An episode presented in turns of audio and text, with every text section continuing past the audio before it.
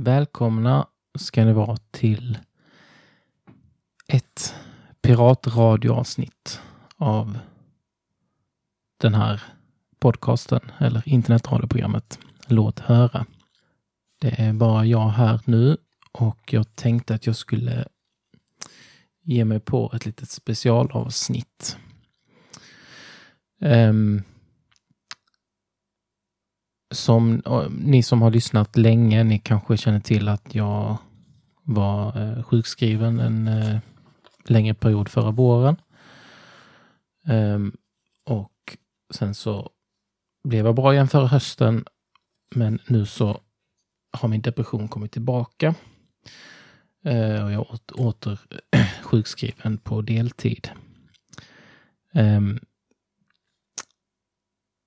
jag tänkte att jag skulle ge mig på att rota ännu lite mer i det här eh, rånet som jag var med om.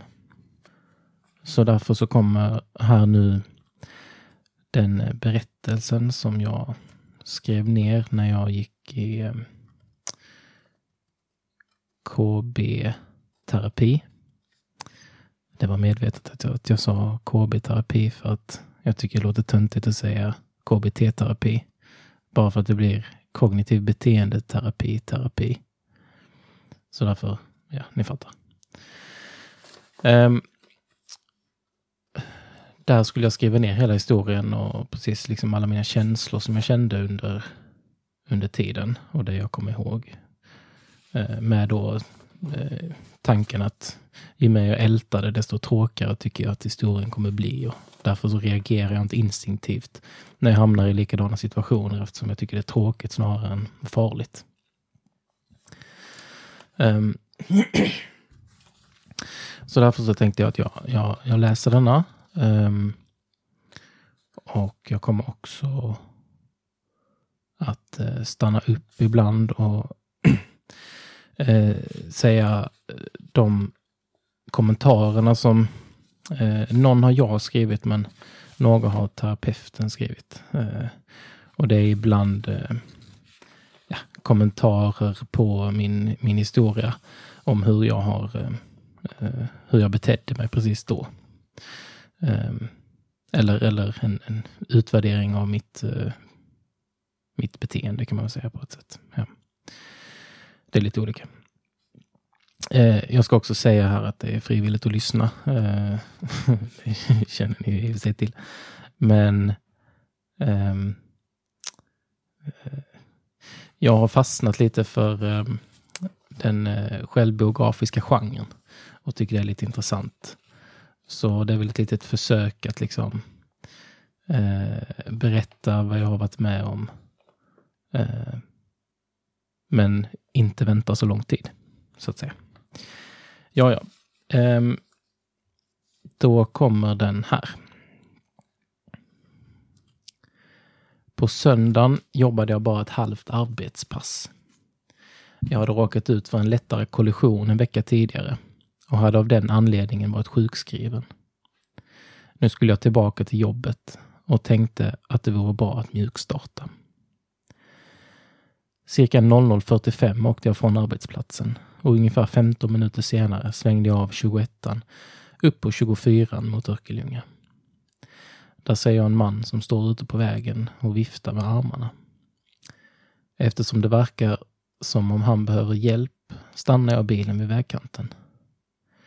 Jag tänker att det är lite konstigt att bli stoppad mitt i natten, så jag stannar kvar i bilen och rullar ner rutan. Mannen som börjar prata med mig säger att de behöver hjälp med att dra upp bilen. Han erbjuder mig pengar. Jag tror det var 200 kronor. Kommentarerna till det här stycket är att mannen är påverkad. Det är någonting som jag eh, också kommer ihåg att jag eh, kände eller förstod. Och eh, också att jag har en känsla av att det är något som inte stämmer. Jag fortsätter. Jag började då fundera på en situation när min vän David vägrade dra upp en bil vars förare var klart alkoholpåverkad. Han vägrade dra upp bilen och föraren fick då gå hem. Jag är därför lite tveksam till att dra upp hans bil. Så jag frågar vem det är som har kört.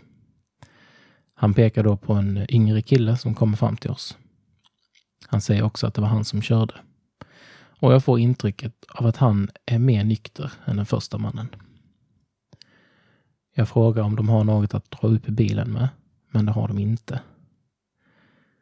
Jag säger att jag inte heller har det. Och under tiden har en kvinna kommit fram till bilen också. Hon är mycket aggressiv, vilket jag tycker är väldigt obehagligt. Hon uppfattar det som att jag krävde betalning för att dra upp dem och skriker då till mannen att de inte vill, Eh, att de inte ska ta emot min hjälp eftersom jag är så girig att jag vill ha betalt för att hjälpa. Vad jag minns argumenterar de lite fram och tillbaka och kvinnan skriker någonting till killen som jag senare förstår är visa pistolen. Eh, kommentarerna till det här stycket är dels att, att jag känner mig väldigt förolämpad när eh, den här kvinnan eh, antyder att jag vill ha betalt för att dra upp dem. Um, jag tyckte det var väldigt obehagligt när hon blev aggressiv eftersom jag är konflikträdd. Så jag vågar liksom inte säga ifrån på något sätt. Sen så står det nervositet? Frågetecken här. Som terapeuten har skrivit. Um, vad det betyder vet jag inte riktigt. Om det var jag som var nervös eller om det var killen som var nervös när han gick fram till bilen. Möjligen. Uh, det var kanske lite det intrycket jag fick nu när jag tänker efter. Jag tycker nu att hela situationen verkar mycket obehaglig och hotfull. Så jag försöker att lägga i en växel och köra därifrån. Men jag har så mycket adrenalin i kroppen så jag får motorstopp. Då sliter kvinnan upp förardörren och killen kommer fram och riktar en pistol mot mig. Han säger att jag ska gå ut ur bilen. Och i det här läget är jag mycket rädd. Jag tror att jag säger saker i stil med okej, okay, ta det lugnt så får ni vad ni vill ha. Typ. Kommentarerna här, det är att jag eh, släppte upp kopplingen för snabbt, att jag var skakig och att det då var tecken på att jag hade adrenalin i kroppen. Jag minns när jag skrev det så visste jag inte riktigt. Eh, är liksom symptomen på mycket adrenalin i kroppen att man får motorstopp när man det, det, hade jag ingen aning om, men jag skrev det ändå för jag tänkte att jo, men kanske. Eh, och eh, det tror jag att hon, hon eh, konfirmerade när vi, när vi pratade eh, om det sen. Um, och sen också lite understrukit mina känslor här. Att jag, det var obehagligt och, och det var hotfullt. Um, och att jag var mycket rädd. Uh, och sen så uh, den sista meningen, okej, okay, ta det lugnt så får ni vad ni vill ha. Eh, under, då underströk terapeuten att jag hamnade i ett förhandla, förhandlarläge. Eh, ja. Jag fortsätter. När jag går ut ur bilen tar jag min telefon och stoppar i fickan. När killen ser det säger han till mig att ge honom min telefon. Då vädjar jag att jag ska få behålla den. Men då går han fram till mig och tar den ur min ficka. I det läget har han stoppat ner pistolen i sin ficka på sin, eh, på sin hoodie, men har kvar handen i fickan också.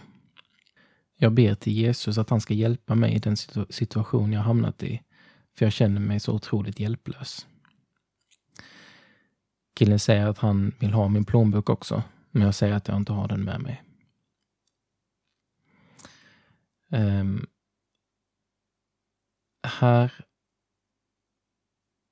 är understryket att jag vädjar eh, att jag ska få behålla min telefon och att det då är förnedrande att behöva göra det. Att, att vädja om att få behålla sin egen telefon. Um, jag noterade också att han stoppade ner pistolen i sin ficka och sådär. Att jag liksom bedömer faran på det sättet. Ehm, sen är det understruket här att jag tyckte att det kändes bättre när jag hade bett till Gud om hjälp. Ehm, och en annan grej, det där med att eh, jag sa att jag inte hade inte min plånbok med mig. Det var bara någonting jag hittade på. Eh, jag trodde att den fanns i min eh, matväska i bilen. Och då trodde jag ända fram till eh, polisen hade hittat bilen i Våxtorp eh, ett par timmar senare. Men eh, det visade sig att jag hade, hade plånboken i min byxficka hela tiden. Ehm, jag fortsätter. Den yngre killen sätter sig i bilen och startar den. Han säger att han ska dra upp deras bil med den. Han försöker köra men får motorstopp två eller tre gånger. Han går ur bilen igen och de två andra diskuterar hur de ska göra. Jag står hela tiden vid sidan om och har bara en tanke i huvudet. Att jag inte ska bli av med min bil. Eh, och Detta är väl inte kanske superintressant men det var så jag eh, reagerade hela tiden. Att, eh, eller där och då, liksom att, att jag, jag vill inte bli av med bilen. Det var liksom det viktigaste. Eh, så kommentaren här då är distansering? frågetecken. Eh, om det liksom var ett sätt att, eh, att försöka ha kontroll på någonting. Liksom. Um, någon säger att jag ska köra bilen till andra sidan, men de är rädda för att jag ska köra iväg med den då. Då kommer någon med idén att de ska ta min bil istället. Problemet som jag uppfattar det är att killen och kvinnan inte vill att mannen ska köra. Så då säger någon att jag ska göra det. Jag går med på det direkt. Eftersom jag då inbillar mig att jag kanske kan få behålla bilen. Eh, jag upprepar det flera gånger. Jag säger, jag kan köra er, det är lugnt. Jag kan köra er var ni vill. Um, anledningen till att jag säger det, det är för att då tänker jag att jag um, ser en liten ljuspunkt. Jag, jag tänker, jo men jag kanske kan få behålla min bil. Eh, och då liksom är det det enda, eller den bästa utvägen jag, jag ser. Sen så är jag inte helt hundra på hur de resonerade där eh, vid bilen. Eh, jag ska eventuellt läsa upp ett eh, förhör, eh, mitt första förhör som jag höll med polisen. Um, dagen efter det hade hänt. Um, och där, ja, det är ju det klaraste eh, minnena jag har från det. Liksom. Uh, så det är nog mer uh, sanningsenligt. Men uh, detta, detta som jag läser nu, det var ju det jag kom ihåg ett år. Eller, vad blir det? ett halvår efteråt.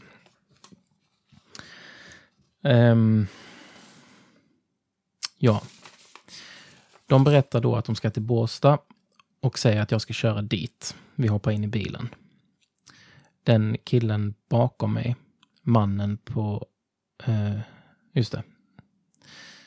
Detta är då placeringen i bilen. Killen sätter sig bakom mig, mannen på passagerarsätet fram och kvinnan bakom honom. Han sätter sätter på sig några, eh, han sätter sig på några grejer som jag har liggandes på passagerarstolen. Bland annat bilens instruktionsbok. Och vi börjar köra och mannen vänder sig mot mig, sträcker fram handen och säger Hej, jag heter Thomas um, ja, Faran blir lite, lite mindre här har eh, terapeuten eh, kommenterat ute i marginalen. Uh, och uh, på ett sätt så blir det det eftersom uh, vi hälsar på varandra och för att jag sitter och kör och känner att jag har kontroll. Um, ja, jag hälsar, jag säger mitt namn och så åker vi vidare. Vi kommer bara cirka en kilometer innan han ber mig att stanna bilen. Jag kör in mot kanten och han går ut för att lätta på trycket. Då passar jag på att plocka undan grejen han satt på. När jag sträcker mig framåt handskfacket reagerar kvinnan och frågar vad jag gör. Jag säger att jag ska bara plocka undan. Jag uppfattar henne som mycket paranoid. Bland annat säger hon till mig att ta av mig mitt bluetooth-headset eftersom hon tror att jag kan ringa till någon med den. Tydligen då bara genom att tänka någonting, jag vet inte. Thomas sätter sig i bilen igen och vi fortsätter. Kvinnan är mycket aggressiv hela tiden och frågar mig var jag har varit. Hon väntar inte på svar utan frågar om jag är otrogen och om jag har träffat min älskarinna. Eh, jag säger att jag har varit och jobbat och att jag är på väg hem. En konversation startas och de frågar eh, vad jag jobbar med. Jag säger att jag har ett eget företag och kvinnan säger att hon också har haft det. Jag hör på mannen att han pratar blekingska, så jag frågar honom var han kommer ifrån. Jag minns inte om han säger var han kommer ifrån, men han frågar mig, så jag säger att, eh, att jag kommer från Ringamåla. Jag säger att mina föräldrar bor där och han påstår att han känner dem. Jag förstår att han inte talar sanning, men uppfattar ändå det som något slags hot. Att han känner till var mina föräldrar bor. Jag blir lite orolig över att jag berättat så mycket för dem.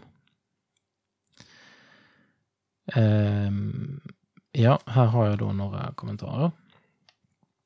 Um, dels att jag blev lite irriterad på den här kvinnan när hon var så paranoid. För jag tänkte liksom att, men skärp dig, du fattar väl att jag inte kan ringa bara genom att titta på mitt headset liksom. Och också när jag då ska plocka undan grejerna, vad tror du hon skulle göra liksom? Eh, men, men i hennes värld så kanske det fanns en pistol i varje handskfack, så jag, jag vet inte. Um, ja, jag blir orolig och vaksam där i slutet då när jag, när jag tror att jag kanske har berättat för mycket.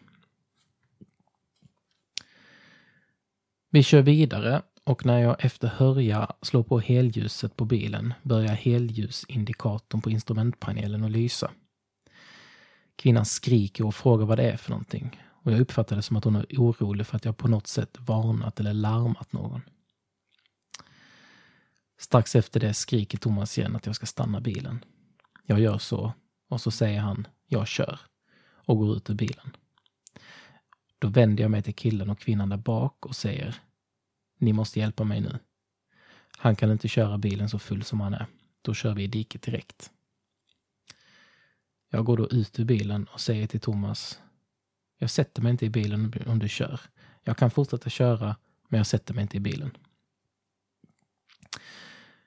Då går killen också ut och på något sätt så övertalar han Thomas att jag ska fortsätta köra. Någon gång, antingen då eller tidigare i bilen, säger kvinnan till Thomas. Du har redan kraschat en bil idag. Sen har jag skrivit en kommentar här. I detta läget var jag inte alls rädd för pistolen, men jag var rädd för att bli kvar där. Alltså i Hörja då. jag, jag föredrog hellre en pistol än att bli kvar i Hörja. Säger något om Hörja. Nej. Ehm, eh, kommentar från terapeuten. Känner mig inte riktigt lika hjälplös. Det finns något jag kan göra. Ja, det är kanske det då att jag liksom kan, kan fortsätta köra och så då. Antar jag att hon menar. Jag vet inte. Eh, jag fortsätter köra och stämningen i bilen blir allt mer aggressiv. Jag har massor med tankar i huvudet. För det första försöker jag tänka ut hur det hela kommer sluta. Jag funderar på hur jag ska få ut dem ur min bil. Jag föreställer mig hur det ser ut på den där festen i Båstad. Om de överhuvudtaget kommer låta mig köra därifrån när vi har kommit fram. Jag tänker att jag inte har någon utväg alls. Att jag måste sitta i bilen med de här i över en timme till. Tanken svindlar, har jag skrivit sen. Pretentiöst. Um, ja. Någon frågar varför jag kör så sakta. Jag svarar att det är bara 80 km i timmen på vägen, så jag får inte köra fortare. Präktigt. Eh, kvinnan tycker att jag kör för sakta och säger åt mig att öka hastigheten. Thomas skriker kör 130. Och när jag inte accelererar tillräckligt fort så får jag helt oväntat ett knytnävsslag på kinden. Det svartnar för ögonen i någon sekund och jag blir otroligt förvånad. Jag var inte beredd på att Thomas skulle bli fysiskt aggressiv. Jag gasar upp till 130 och har då bara en tanke i huvudet. Jag måste ta mig ut. Ja, och förutom förvånad så blev jag också otroligt rädd här eftersom jag inser att jag har problem. Eh, ja, jag inser att mina problem har stigit till en helt annan nivå. Då har terapeuten skrivit intellektualiserar. Och det kanske jag gjorde. Eh, ja. Förutom att jag sitter i en bil under pistolhot så måste jag dessutom köra långt över hastighetsbegränsningen och samtidigt sitter det en mycket narkotikapåverkad man bredvid mig som när som helst kan slå mig i ansiktet så jag tappar kontrollen över bilen. Jag förstår att en olycka är mycket nära. Thomas har fortfarande handen i luften som om han är redo att slå igen. Då inser jag att snart kommer jag köra igenom Röke Eh, där min morbror bor. Jag utarbetar en plan på hur jag ska kunna ta mig ut ur bilen. Jag har inget minne av hur jag tänkte, men i efterhand inser jag att jag måste eh, ha planerat det hela på något sätt. I Röke finns en fartkamera, så när jag närmar mig den saktar jag ner. Alla skriker åt mig att inte sakta ner.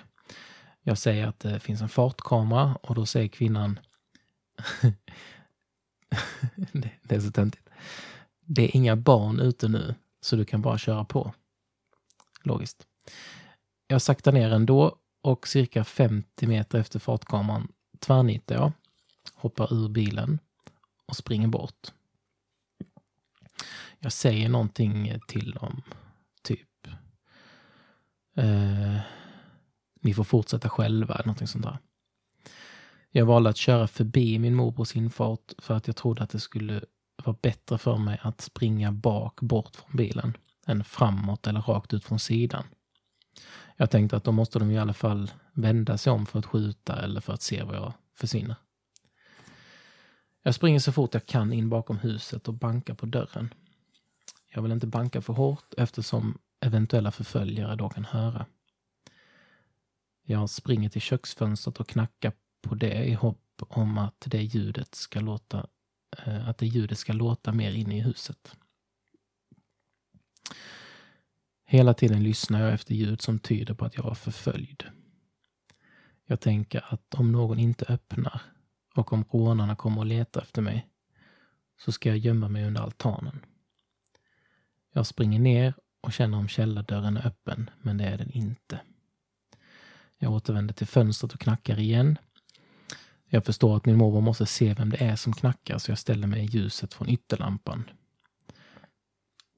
Jag känner mig mycket utsatt där, men precis då ser jag min morbror innanför rutan. Jag mimar till honom att han ska öppna dörren och när han gör det säger jag typ stäng och lås dörren. Jag har blivit pistolhotad, ring polisen. Nu när jag tänker här så kanske jag snarare sa att jag har blivit rånad. Kan det ha varit så? Jag vet inte. Det, det står sen i det andra förhöret.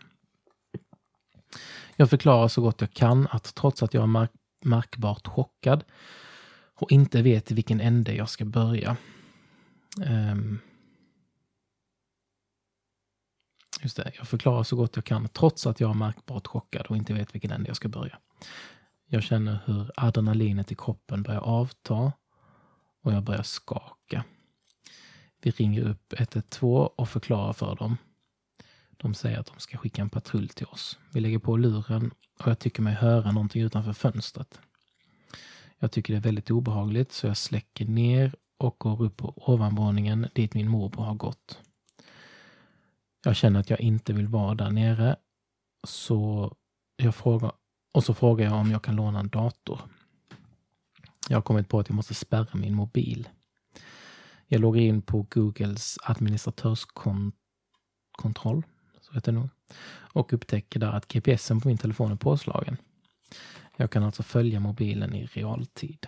Jag meddelar min morbror och ringer upp 112 igen. Jag förklarar att jag vet var rånarna är med min bil och de skickar, en patrull, skickar ut patruller efter dem. Kort därefter anländer en, polis, anländer en polispatrull till oss. Jag kan inte prata. Jag får sätta mig i ett annat rum tillsammans med en av poliserna som ber mig berätta vad som hände. Jag försöker återge allt som jag minns det och sedan väntar vi i köket. Jag började frysa och skaka. Men jag var otroligt glad över att poliserna hade kommit.